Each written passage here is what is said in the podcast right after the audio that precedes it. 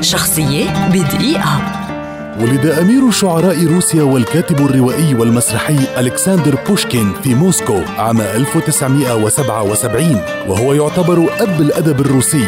أصدر بوشكين ديوانه الأول روسلان ولودميلا في الخامس عشر من عمره وفي الثامنة عشر صار صاحب صيت أدبي ذائع. في العام 1820 كتب بوشكين قصيدة عنوانها عن الحرية وكانت السبب في لفت نظر السلطات الحاكمة إليه وكانت النتيجة طرده من سانت بطرسبرغ.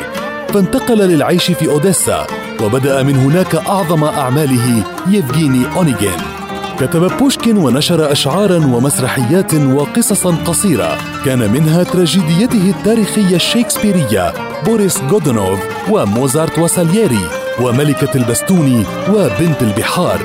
تأثر بأشعار لورد بايرون وكتب أشعارا رومانسية لأول مرة في الأدب الروسي مثل سجين القوقاز وإخوة اللص. توفي بوشكين عام 1837 متأثرا بجرح مميت. تعرض له في مبارزة شرف ضد رجل آخر فكان إنسانا غير مألوف في حياته وحتى في مماته.